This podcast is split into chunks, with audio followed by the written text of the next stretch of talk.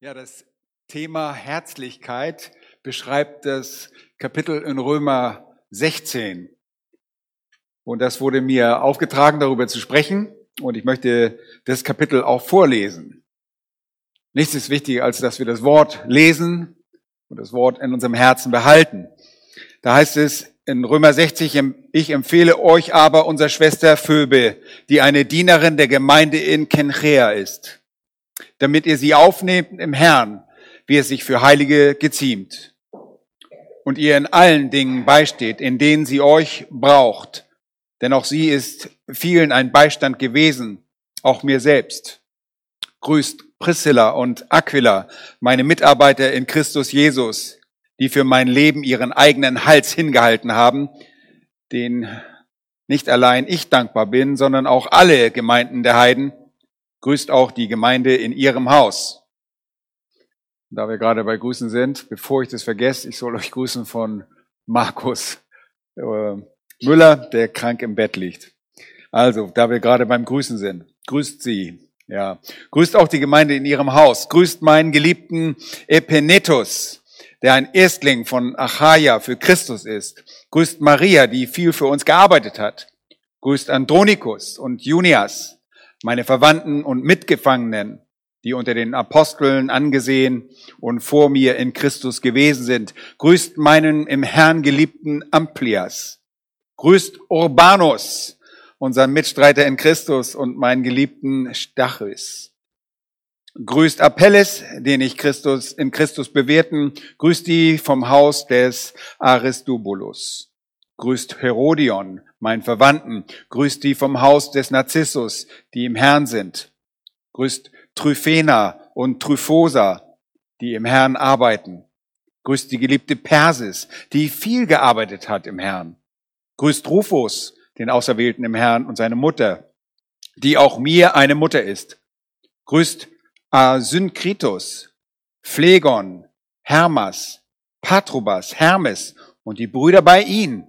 Grüß Philologos und Julia, Nereus und seine Schwester, auch Olympas und alle Heiligen bei ihnen. Grüßt einander mit einem heiligen Kuss. Es grüßen euch die Gemeinden des Christus. Vers 17. Jetzt waren, das waren gerade die Grüße des Paulus an die Gemeinde in Rom, beziehungsweise die Geschwister, die in Rom leben. Und jetzt kommen die Grüße, die er ihnen weitergibt die Geschwister, die grüßen lassen. Vers 17. Ich ermahne euch, ihr Brüder, gebt Acht auf die, welche Trennung und Ärgernisse bewirken im Widerspruch zu der Lehre, die ihr gelernt habt, und meidet sie. Denn solche, die dienen nicht unseren Herrn Jesus Christus, sondern ihrem eigenen Bauch. Und durch wohlklingenden Reden und schöne Worte verführen sie die Herzen der Arglosen. Denn euer Gehorsam ist überall bekannt geworden. Darum freue ich mich euretwegen möchte aber, dass ihr weise seid zum Guten und unvermischt bleibt mit dem Bösen. Der Gott des Friedens aber wird in kurzen den Satan unter eure Füße zermalmen. Die Gnade unseres Herrn Jesus Christus sei mit euch. Amen. Es grüßen euch Timotheus, mein Mitarbeiter, und Lucius und Jason und Sosipater, meine äh, Verwandten. Ich, Tertius, der ich den Brief niedergeschrieben habe, grüße euch im Herrn. Es grüßt euch Gaius, der mich und die ganze Gemeinde beherbergt. Es grüßt euch Erastus, der Stadtverwalter, und Quartus, der Bruder. Vers 24 sind wir nicht ganz sicher, ob das zu den besten Handschriften dazugehört. Ich lese es dennoch. Die Gnade unseres Herrn Jesus Christus sei mit euch allen. Amen. Dem aber, der euch zu festigen vermag, laut meinem Evangelium und der Verkündigung von Jesus Christus, gemäß der Offenbarung des Geheimnisses, das von ewigen Zeiten her verschwiegen war, das jetzt aber offenbar gemacht worden ist und durch prophetische Schriften auf Befehl des ewigen Gottes bei allen Heiden bekannt gemacht worden ist, zum Glaubensgehorsam, ihm, dem allein weisen Gott, sei die Ehre durch Jesus Christus in Ewigkeit. Amen. Ja, äh, ein Kapitel, das es in dieser Art und Weise nicht wieder gibt im Neuen Testament, auch im Alten Testament nicht. Ein sehr persönliches äh, Kapitel, in dem der Apostel Paulus, lasst euch nicht durcheinander bringen durch den Schreiber Tertius, ja, der diesen Brief schreibt, der Sekretär von Paulus ist. Aber er bringt seine herzliche Verbundenheit mit vielen, vielen Geschwistern zum Ausdruck. Diese Grüße, die er sendet, sind Leute, die er kennt. Und äh, Paulus ist gerade unterwegs auf seiner dritten Missionsreise. Und äh, er schreibt im Kapitel Apostelgeschichte 20, könnt ihr aufschlagen ganz kurz, da könnt ihr sehen, er ist gerade nach Mazedonien, äh, durch Mazedonien und dann nach Griechenland gereist. Wir sind im Jahr 55, 56, äh, 56 zu Beginn des Jahres schreibt er jetzt diesen Römerbrief. Und da lesen wir in Vers 1, nachdem sich aber der Tumult in Ephesus war, das gelegt hatte, rief Paulus die Jünger zu sich und als er Abschied von ihnen genommen hatte, zog er fort, um nach Mazedonien zu reisen. Und nachdem er jene Gebiete durchzogen und sie mit vielen Worten ermahnt hatte, kam er nach Griechenland. Jetzt ist er in Griechenland und er brachte dort drei Monate zu. Okay? Und da ihm die Juden nachstellten, als er nach Syrien abfahren wollte, entschloss er sich, über Mazedonien zurückzukehren. In dieser Zeit schreibt er den Römerbrief. Er hat kurz vorher sehr zeitnah den zweiten Korintherbrief gesch geschrieben, wahrscheinlich aus Mazedonien, in Vers 1. Und wir finden auch ähnliche Grüße, nämlich die, die äh, Grüße beziehungsweise die Aufforderung zu einem heiligen Kuss beziehungsweise Vers 16 seht ihr, äh, fordert er auf, grüßt einander mit einem heiligen Kuss. Das ist der Ausdruck, Alex möchte das gleich ausprobieren wieder, das ist der Ausdruck der Intimität, einer Freundschaft, einer engen Zuneigung, die er hat zu den Geschwistern, die er kannte, schon in Rom, obwohl er dort noch nicht einmal war. Müsst ihr euch vorstellen. Und ihr habt auch äh, gleich gesehen, er, in Vers 3 grüßt er Priscilla und Aquila. Das ist ein jüdisches Paar, das aus Rom kam und äh, Rom verlassen musste aufgrund des kaiserlichen Edikts. Und äh, Paulus trifft sie bei seiner Missionsreise in Korinth. Und er arbeitet an ihrer Seite und er nimmt sie dann mit nach Ephesus. Er lässt sie in Ephesus. Und äh, Aquila und Priscilla bleiben dort in Ephesus und lehren dort äh, belehren auch unter anderem Apollos. Und äh, sie sind herzlich mit ihm verbunden. Nicht nur das, sie haben ihren Kopf für ihn hingehalten. Hier ist eine sehr enge Gemeinschaft da. Und das sehen wir, hier ist die herzliche Verbundenheit mit Geschwistern, die räumlich getrennt waren von, von ihm. Und es soll uns auch sehr wichtig sein, dass wir mit Geschwistern die von uns räumlich getrennt sind. Nicht nach, äh, aus dem Augen, aus dem Sinn. Kennt ihr das? Aus dem Augen, aus dem Sinn. Ja, der ist ja nicht mehr da. Weg ist er. Nun, ich musste das oftmals so machen, weil ich habe einfach zu viele Menschen kennengelernt. Aber ich habe bestimmte Geschwister, für die ich immer noch sehr dankbar bin. Und denen ich auch das manchmal wirklich zum Ausdruck bringe in meinen Briefen oder E-Mails oder äh, wenn ich sie sehe, ich lasse sie immer grüßen. Meine Eltern haben mir das früh in meinem Leben aufgetragen. Grüß so und so, wenn du dahin kommst. Ich habe mir gedacht, oh, immer diese Grüße, diese Grüße. Ich habe das nie verstanden. Und manchmal, manchmal habe ich gesagt, okay, ja, ja, ich grüße schon und hab's doch, ich habe nie gegrüßt. Deshalb war es mir wichtig, dass ich jetzt von Markus grüße, ja, der krank im Bett liegt und Antibiotika nehmen muss. Ähm, wir sind räumlich von ihnen getrennt, aber wir sind mit ihnen herzlich verbunden. Wir gehören zu dem einen Gott. Er ist unser Vater und wir sind eine Familie. Und ihr erinnert euch, wir haben in Markus 3, Vers 34 und 35 Jesu Lehre von der neuen geistlichen Familie, der Priorität der geistlichen Familie gehört. Wir gehören zu dieser Familie und wir sind mit Leuten verbunden, ob sie hier sind oder nicht. Es ist eine herzliche Verbundenheit da. Zweitens sind wir mit Geschwistern und er war mit Geschwistern verbunden, die dir im Groß, Dienst Großes geleistet haben. Nun, was, war, was gab es größer als das, was Priscilla und Aquila getan haben? Sie waren Zeltmacher von Beruf, so wie Paulus, und er lernte sie kennen. Und ganz offensichtlich haben sie sich so eingesetzt, dass sie sein Leben gerettet haben. Ihr wisst, es ging oftmals darum, dass sie Verfolgung, ja, es gab oftmals Prügel für diese äh, Männer des Wortes. Und diese beiden haben sich eingesetzt für Paulus und er ist ihm dankbar. Es gibt eine enge Verbundenheit da. Und diese Verbundenheit, die habe ich auch, besonders mit solchen, die mir große Dienste erwiesen haben. Leute, die mich im Wort unterwiesen haben. Die vergesse ich niemals. Mein Bruder Carrie, den ihr auch kennt, der mit uns hier die Gemeinde gegründet hat, das vergesse ich einfach nicht. Und wir sind verbunden. Wir sind, äh, haben eine enge Verbundenheit durch den Herrn natürlich auf der einen Seite, aber auch durch den gemeinsamen Dienst. Und es ist äh, eine ganz besondere Freude, eine, es gibt eine besondere Zuneige, eine besondere Zusammengehörigkeit, eine Eintracht, die da ist. Ja, ich kann meinen Bruder Carrie monatelang nicht gesprochen haben und ich telefoniere an und wir setzen sofort da fort, wo wir aufgehört haben im letzten Gespräch. Wir müssen nicht irgendwie erstmal sehen, wo bist du jetzt gelandet mit deiner Theologie oder sonst was, sondern wir wissen genau voneinander, wie wir voneinander denken und wir setzen an dem Punkt immer wieder ein und können das fortsetzen. Paulus war dankbar äh, und hatte eine herzliche Verbundenheit mit Geschwistern, die sich im Namen des Herrn versammeln. Mit anderen Worten, mit anderen Gemeinden. Schaut mal in Vers 5. Grüßt auch die Gemeinde in ihrem Haus. Das ist ja auch die Gemeinde in dem Haus von Aquila und Priscilla. Später sagt er, äh, es grüßen euch die Gemeinden des Christus. Ja, Paulus als Gründer von Gemeinden hatte mit vielen Menschen zu tun. Und das sehen wir hier. Wir haben ein gutes Beispiel dafür, dass es nicht nur irgendwelche Statisten für ihn sind oder irgendwelche Nummern und ja, und die, und die sondern er kennt sie alle mit Namen.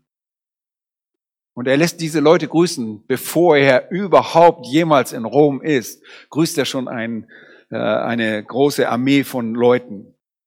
Aber das sind Leute, die sich im Namen des Herrn versammeln. Wir sind eins mit Geschwistern, die sich im Namen des Herrn versammeln. Wir sind eins. Und äh, diese Verbundenheit ist sehr wichtig, auch innerhalb der Gemeinde. Wir haben eine Verbundenheit, die nicht nur äh, rein menschlich gemacht ist, es ist eine göttliche Verbundenheit. Gott hat uns in eine Familie hineingeboren. Ja, wir sind neue Kreaturen und sind in einen Leib hineingeboren worden. Wir haben uns unsere Geschwister nicht ausgesucht, auch die leiblichen nicht. Und so ist es auch in der geistlichen Familie. Aber Gott hat eine enge Verbundenheit geschenkt. Und das mit allen Geschwistern. Wir reisen durch die Welt und wir kommen manchmal in Gemeinden. Ich bin sehr viel unterwegs gewesen, auch besonders in Nordamerika. Und du kommst in irgendeine Gemeinde du bist sofort zu Hause. Du hast so eine enge Verbundenheit. Du kommst bei Leuten an und die sagen, okay, hier ist dein Bett. Wenn du Hunger hast, geh in den Kühlschrank, hol dir was raus. Du bist wie bei einer Familie zu Hause. Und das ist die enge Verbundenheit, die auch Paulus hatte mit den Geschwistern. Sie kämpften Seite an Seiten. Und das war etwas Besonderes in dieser Zeit. Und besonders für Leute, die aus einem ungläubigen Elternhaus kommen, ist es auch heute noch etwas Besonderes. Wir kommen in eine Familie, wir sind sofort eins. Wir verstehen uns, wir verstehen uns besser, als manchmal wir mit unseren leiblichen, ungläubigen Geschwistern verstehen können. Es gibt diese herzliche Verbundenheit. Nun, diese herzliche Verbundenheit soll auch ausgedrückt werden. Und zwar, Geschwister begrüßen einander fassbar, spürbar. Und hier in diesem Brief wird es deutlich. Hier wird ein Brief übermittelt. Das äh, Ausdrücke der Liebe werden aufgeschrieben. Aber es gibt hier auch eine Aufforderung. Vers 16 grüßt einander mit einem heiligen Kuss. Oh, meine Güte. Wenn wir jetzt nicht gut sind, dann müssen wir das gleich, äh, wenn wir nicht äh, das kulturell einordnen können, müssen wir gleich anfangen, hier uns alle gegenseitig zu küssen. Alle, die von Alex geküsst werden wollen, stehen da drüben. Nein. Nein. Das ist ein Ausdruck von Warmherzigkeit. Das ist ein kultureller Ausdruck, wie man Warmherzigkeit, Intimität, Freundschaft, Verbundenheit, Zusammengehörigkeit, Verwandtschaft ausgedrückt hat. Nun, das ist in einigen Kulturen immer noch so, dass man sich auf diese Art und Weise begrüßt. Und äh, hier geht es darum, dass wir das auch zum Ausdruck bringen. Und bei uns ist es vielleicht nicht der Kuss, mag sein, dass es der Kuss ist, aber es ist nicht ausschließlich der Kuss. Das ist gar nicht die, die, die, das Anliegen, das er hier bringt, sondern er grüßt sie oder fordert sie auf, auf die Art und Weise, wie sie einander diese äh, Zuneigung, die Zusammen, die Innigkeit zum Ausdruck bringen konnten. Und das war dieser heilige Kuss. Und ich bin so froh, dieses Wort Philemati, Hagio, Hagio, das zweite Wort, ist ein heiliger Kuss. Er ist ein abgesonderter Kuss. Das ist kein normaler Kuss. Das ist kein Kuss, der die Liebe eines Ehepaares ausdruckt oder eines, eines, ein erotischer Kuss oder sonst irgendwas, sondern es ist ein heiliger, abgesonderter Kuss, der die Verbundenheit in dem Herrn zum Ausdruck bringt. Okay? Nun, wir begrüßen einander auch kulturell angemessen. Und ihr, Leute, ihr glaubt nicht, wie es äh, unterschiedliche Kulturen gibt, wie man sich begrüßt. Ja, bei einigen Kulturen, da kommst du hin, die fangen an zu klatschen. Und denkst du, der denn? Wieso klatscht der? Das ist eine Art der Begrüßung. Ja, und der, derjenige, der begrüßt wird, der klatscht zurück. Oder in Japan zum Beispiel, da fässt man sich nicht mal zur Begrüßung an. Das ist eine körperlose Begrüßung. Da verneigt man sich. Und je nachdem, welchen Winkel der Verneigung man sich hat, bei 15 Grad ist einfach eine normale, dann gibt es noch 45 Grad und naja, bei 90, 90 Grad ist für Borchmann nicht drin. Ist bei Älteren, wenn man respektiert, wenn das eine formelle äh, Begrüßung zu äh, älteren Leuten vergrüßt, zeigt das der Winkel der Neigung an, wie man sich verbeugt. Okay? Dann gibt es äh, Kulturen, in denen man sich die Nasen miteinander oder von der Seite kommt. Ich denke, in, in äh, Australien, nicht in Neuseeland gibt es so Einheimische, die kommen an deine Seite und die, die beriechen sich gegenseitig und die wollen den Atem des anderen mit der Nase spüren. Ja, das ist, oder einfach den Nasenberührer oder Stirn an Stirn wird sich gelegt. Ja, oder in Thailand wird die Hand eines Älteren genommen und die, die Hand des Älteren an deine eigene, äh, an deinen eigenen Kopf gelegt, um ihn zu begrüßen. Und das bedrückt aus, äh, irgendwie das, weil an der, an der Stirn ist der Eingang zur Seele oder so, das eine ganz besondere Ehrerbietung, wenn man diese Hand nimmt und sie auf seine eigene Stirn legt.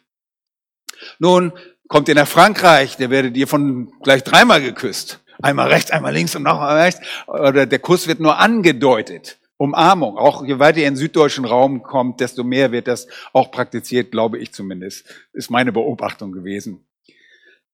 Nun, das ist ein Ausdruck der Herzlichkeit, der Verbundenheit. Man, man lässt es dem anderen spüren, dass man etwas für ihn empfindet. Du bist mein Bruder oder du bist meine Schwester. Ja, und ich weiß, dass gerade bei diesem Satz, äh, grüßt einander mit dem heiligen Kuss, die Schwestern, uh, die kriegen gleich alle einen Schreck und denken, wirklich? Nein, hier ist so ein Bruderkuss. Er wird auch der Kuss der Liebe im 1. Petrus 5, Vers 14 genannt. Das, der Kuss der Liebe ist kein intimes Küssen, sondern ein sich begrüßen, einander herzliche, warme Zuneigung zu zeigen. Und das, dazu fordert Paulus die Empfänger in Rom auf, das zu tun. Ja, zu realisieren, ihr seid Geschwister. Ja, ihr seid nicht nur, zeigt nicht die kalte Schulter. Ich weiß nicht, ob, ob ihr meine tolle Zeichnung, mein tolles Plakat gesehen habt auf Basecamp. Da war ein Verbotsschild. Frost verboten. Ja, wir alle haben gedacht, was ist das Verbotsschild denn da? Also Herzenskälte brauchen wir nicht. Wir zeigen niemand die kalte Schulter. Wenn wir wegblicken, okay, wir kennen das, ja, wir, wir kommen äh, in eine Gemeinschaft von Gläubigen und, und man merkt, der eine guckt mich überhaupt nicht an. Ist da irgendwas, irgendwas faul? Irgendwas faul? Ja, das ist die kalte Schulter zeigen. Das sprichwörtliche kalte Schulter. Das ist für Gläubige nicht angebracht. Wir lieben einander mit einer reinen Liebe. Und das sollen wir zum Ausdruck bringen. Ja, nicht nur in der Art und Weise, wie wir begrüßen, aber das ist ein Weg, wie wir das tun. Wir sind heilige Menschen und deshalb gibt es eine Art heilige Begrüßung. Wir sind einander nicht egal. Es gibt Kulturen, in der sich die, äh, sich die Begrüßenden nicht einmal in die Augen sehen. Ich glaube, das ist auch äh, im asiatischen Raum, Japan, glaube ich, ist das auch äh, ein Teil der Gesellschaft, dass man sich nicht mal in die Augen sieht dabei. Wir drücken durch das, wenn wir jemanden in die Augen sehen, Aufmerksamkeit aus. Ja, stell dir vor, ich begrüße dich und guck irgendwo anders hin. Hallo, schön, dass du da bist. Wir schütteln auch die Hand. Ist das ja aufgefallen? Wo kommt dieses Handschütteln her? Oh, war einfach immer schon so, war schon immer da, habe ich auch gemacht. Ja, das ist eine Kultur. Wir haben, das kommt eigentlich daher, äh, das ist ein Zeichen, dass wir Frieden, mit Frieden kommen. Ich habe in der rechten Hand keine Waffe, sondern sie ist leer und ich zeige dir, gebe dir meine Hand. Und ist ein Friedensgruß im, sozusagen, weil ich keine Waffe in der Hand habe, sondern eine leere Hand, die ich dir entgegenstrecke. Okay? Nun, dieses Begrüßen ist oftmals auch ähm, in Israel ist immer mit diesem Wort Shalom oder bei den Muslimen äh, Salem, Assalamu alaikum. ja, also dieses, dieses Friedensgruß. Man, man grüßt einander, um einander Frieden zu, grüßen, äh, zu wünschen. Und das ist auch, seht ihr auch in den Briefen des Neuen Testaments, es ist immer ein Gruß dort. Und wir denken, was soll die Worte und Gnade und Barmherzigkeit sein mit dir und, und Amen und so. Und man liest da ganz schnell drüber. Das ist wichtig dass man einander begrüßt, dem anderen diese Dinge wünscht und auch dafür betet. Nun, kulturell und angemessen begrüßen bedeutet, dass wir nicht irgendwelche äh, Kulturen, äh, Dinge einführen. Wenn ihr Jesus euch anschaut, er wurde von der, äh, war das mal, von der ehebrecherischen Frau, glaube ich, die kam, die wurde von ihr geküsst, ununterbrochen, ne? Als sie, als sie kam und ihnen Ehre erweisen wollte. Nun, bitte, meine Füße müsst ihr nicht küssen, wenn ihr mir Ehre erweisen wollt, aus, aus welchen Gründen auch immer. Das ist kulturelle Ehrerbietung. Genauso wie das Füße waschen. Bei uns an der Tür steht keine Schüssel mit Wasser. Ich wasche auch nicht die Füße. Ja, ich kann euch den Kopf waschen, aber nee. Äh, nein, das ist kulturell. Also kulturell. Wir begrüßen einander mit heiliger Herzlichkeit, einer abgesonderten Herzlichkeit. Ich weiß, dass wir, ich habe es mal gehört, dass Leute darüber gesprochen haben, über diesen heiligen Kurs und haben gesagt, nein, das können, wir können auch nicht umarmen, das darf man nicht. Und weißt du was, das bestimmst du, wie du das machst. Ja, es ist nicht, es gibt nicht ein Schema F, dass wir uns alle auf eine Art und Weise, auf dieselbe Art und Weise begrüßen. Ja, sondern dass das wichtig ist, dass man eine Herzlichkeit ausdrückt. Ja, manchmal kann ein Abstand, so, ein, so eine Begrüßung, ist nicht sehr herzlich, oder? Alex? Komm. Ja, ja, nein, nein. Aber wenn ich dir so die, die, ja, er liebt mich so sehr. Da muss ich mal aufpassen, ne? Aber das hat auch nichts, der Bruderkuss oder der bei uns öfter, bei uns beiden gerade vor allen Dingen immer angedeutet, wenn es immer da im Vorraum schmatzt und so, dann, dann ist nur ein angedeuteter Kuss, das hat nichts mit irgendwelcher gleichgeschlechtlichen Liebe zu tun oder sonst irgendwas. Ja, das, äh, das gibt so Leute, die das alles so verdrehen, dass es sowas bedeutet. Aber man kann jemanden herzlich begrüßen, indem man die Hand nimmt und auch den Ellbogen anfasst oder so. Das ist auch eine Art und Weise. Und einfach, du bist mir wichtig, du, du bedeutest mir etwas. Und das ist auf der Grundlage dessen, dass wir eins gemacht worden sind in Christus. Und das ist eine heilige Begrüßung, was die Welt nicht kennt. Wir machen das auch absichtlich. Ja, wir bemühen uns darum. Und es, ich weiß, das gelingt uns auch nicht immer. Manchmal sind wir so ignorant und rennen, ich muss mein Geschäft erledigen. Und man sieht, man rennt an allen Leuten vorbei. Man sieht den anderen nicht mal. Da sitzt einer und du rennst einfach vorbei und äh, wir müssen darauf achten, wir sind für den anderen da, wir wollen auch dem anderen dienen. Und mit Aufmerksamkeit auf den anderen zugehen und sagen, ich, weißt du, ich freue mich, dass du da bist. Das kann man auch mit Worten betonen. Schön, dass du da bist oder ich freue mich, dass du da bist. Und das ist eine heilige Herzlichkeit. Und das möchte Paulus ausdrücken durch seine Briefe, die er verschickt. Herzlichkeit als Priorität. Geschwister achten auf Störfaktoren der heiligen Herzlichkeit. Und zwar hier heißt es, ich ermahne euch, ihr Brüder, gebt Acht auf die, welche Trennungen und Ärgernisse bewirken, im Widerspruch zu der Lehre, die ihr gelernt habt, und meidet sie. Das ist etwas ganz Schlimmes in der Gemeinde Jesu Christi, wenn jemand kommt und die Herzlichkeit unterbricht durch Trennung und versucht, Leute auseinanderzubringen, schlecht übereinander redet, Sag, ja, mit dem würde ich auch nicht hin. Der, der lässt mir das nicht machen und das nicht machen.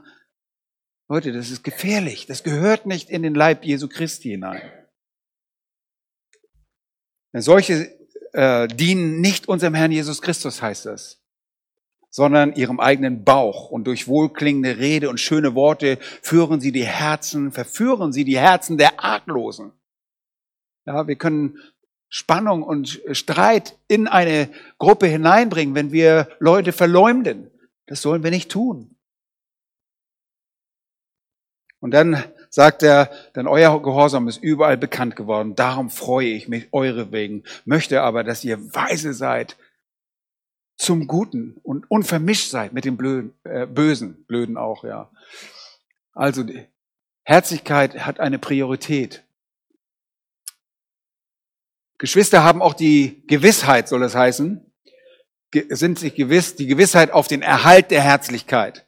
Warum? Hier heißt es, der Gott des Friedens aber wird im Kurzen den Satan unter euren Füßen zermalmen. Der Satan wird zermalmen. Diese Herzlichkeit bleibt uns erhalten. Und Satan wird aus dieser Welt hinausgenommen. Er wird gerichtet. Und diese Gewissheit soll uns ermutigen, einander herzlich zu behandeln und in Liebe zu behandeln. Wisst ihr, diese Dinge sind eine Frucht des Geistes.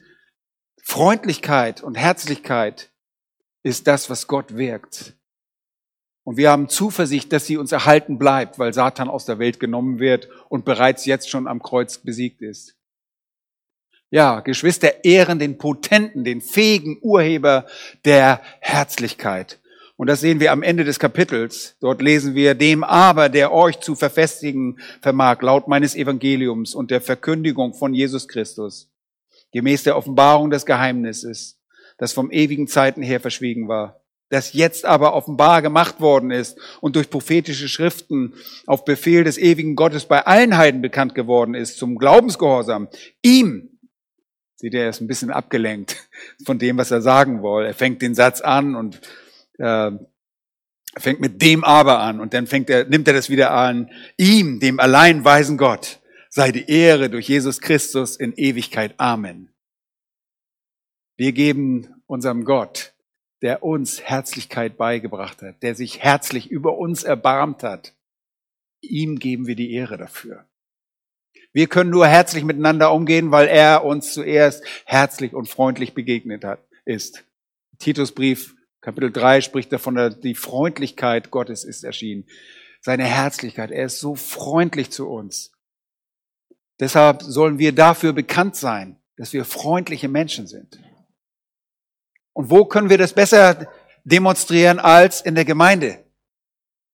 Wenn Menschen, die Gott nicht kennen, in die, in die Gemeinde kommen, die sollen sehen, hier sind nicht nur Leute, die irgendwelche Theologie von der Kanzel zuhören und sondern die sollen auch sehen, dass hier eine herzliche Liebesgemeinschaft äh, existiert.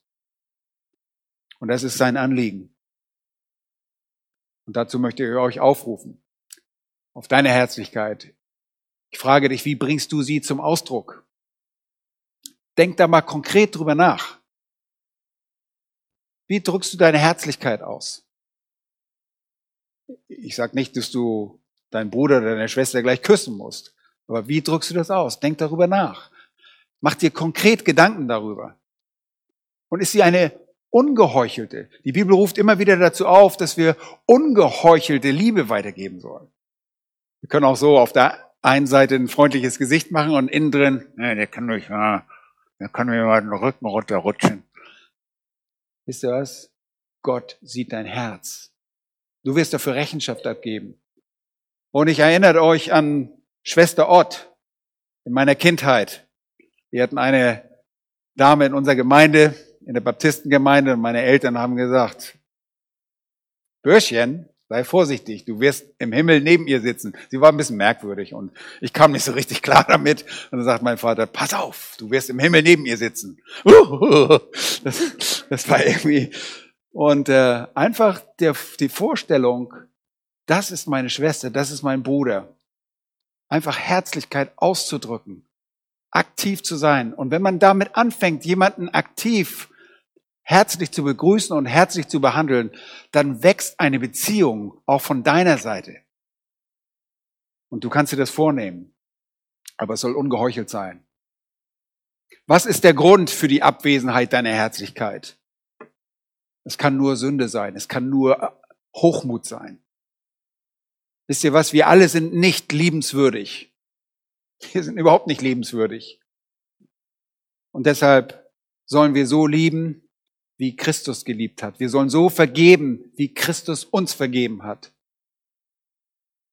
Wir wollen ihn nacheifern. Stell dir vor, Christus hätte uns nur geliebt, wenn wir liebenswürdig gewesen wären. Wer würde von uns hier heute sitzen? Keiner. Deshalb frag dich, was ist der Grund für die Abwesenheit? Ist hier jemand nicht sympathisch? Ist das eine Grundlage? Tu Buße darüber. Nimm dir vor, Gottes Herzlichkeit zu leben und zu zeigen. Konkret. Am Sonntag habe ich schon gesagt, dass wir uns Dinge konkret vornehmen müssen. Unser Leben muss planmäßig laufen, muss nach einem Plan laufen. Wir müssen überlegen, was kann ich tun, um den anderen zu gefallen? Wie kann ich dem anderen meine Herzlichkeit, meine Freundschaft, meine Zuneigung zum Ausdruck bringen? Bewusst zu überlegen, was kann ich tun? Und dann das auch zu tun. Wisst ihr was? Viele Dinge in unserem Leben laufen nicht von selbst. Sie fangen nicht irgendwie von selbst an zu laufen. Man muss sagen, ich werde das jetzt tun. Ich schreibe mir das auf. Dienstagnachmittag rufe ich so und so und so an und werde einfach dankbar und freundlich mit dieser Person reden. Oder ich werde jenes und dies tun. Oder ich werde da einen Gefallen tun. Und das muss die Person gar nicht so direkt, vielleicht nicht direkt mitkriegen. Du kannst auch im Hintergrund was tun. Aber drück diese Freundlichkeit aus. Und es soll fassbar sein. Okay? Wir sollen alle wissen, dass wir Geliebte sind. Amen.